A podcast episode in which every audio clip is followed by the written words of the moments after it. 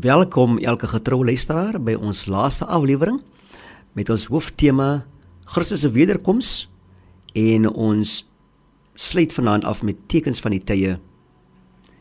Skriflesing vind ons vanaand in 1 Johannes 2 vers 28. En nou, liewe kinders, julle moet in hom bly sodat ons almal niks te vrees sal hê wanneer hy kom nie en by sy wederkoms nie beskamp sal staan nie. Weet u liewe luisteraar, die gedagte daaraan dat Christus sy wederkoms vertraag is deel van God se raadsplan. Hierdeur skep hy vir elkeen ruimte, in die besonder vir diegene wie hom nog nie aangeneem het as hulle enigste ware en persoonlike saligmaker nie. Dit wat ek en u nou beleef, kan nie in woorde beskryf word wat op ons wag nie.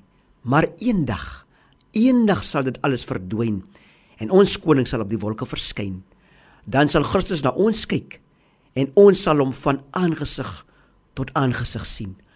Ons as gelowiges het die geweldige waarborg van sy wederkoms.